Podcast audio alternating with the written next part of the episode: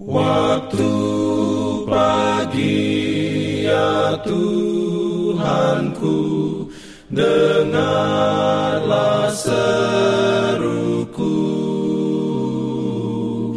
Melayang doa yang sungguh Memandang padamu. Selamat pagi pendengar Radio Advent Suara Pengharapan Mari mendengarkan suara Tuhan melalui tulisan pena inspirasi Agama yang bersinar. Renungan harian 7 Desember Dengan judul Mahkota Kegembiraan Buah dari Pekerjaanku. Ayat inti diambil dari 1 Tesalonika 2 ayat 19 dan 20 Firman Tuhan berbunyi, Sebab siapakah pengharapan kami atau sukacita kami atau mahkota kemegahan kami di hadapan Yesus Tuhan kita pada waktu kedatangannya kalau bukan kamu? Sungguh, kamulah kemuliaan kami dan sukacita kami. Dalam Urayanya sebagai berikut.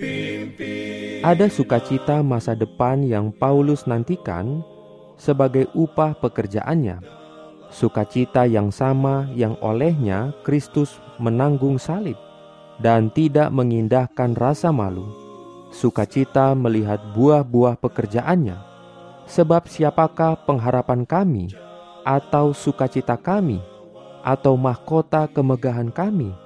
Tulisnya kepada orang-orang Tesalonika yang bertobat di hadapan Yesus Tuhan kita pada waktu kedatangannya, kalau bukan kamu, sungguh kamulah kemuliaan kami dan sukacita kami.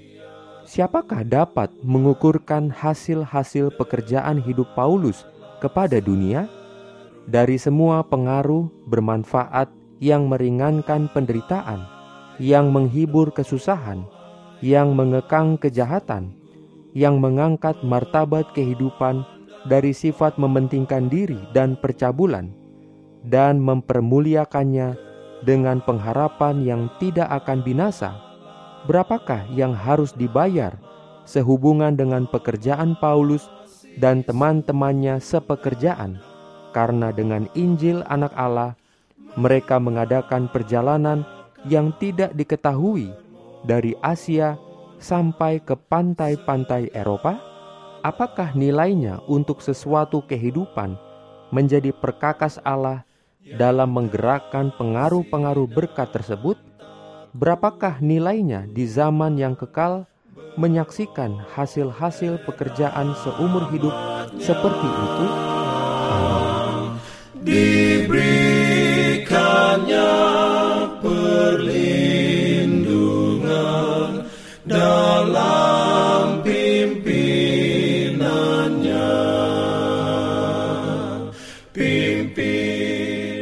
Jangan lupa untuk melanjutkan bacaan Alkitab sedunia. Percayalah kepada nabi-nabinya yang untuk hari ini melanjutkan dari buku Yesaya pasal 14. Selamat beraktivitas hari ini. Tuhan memberkati kita semua. Jalan kewajiban, jalan keselamatan.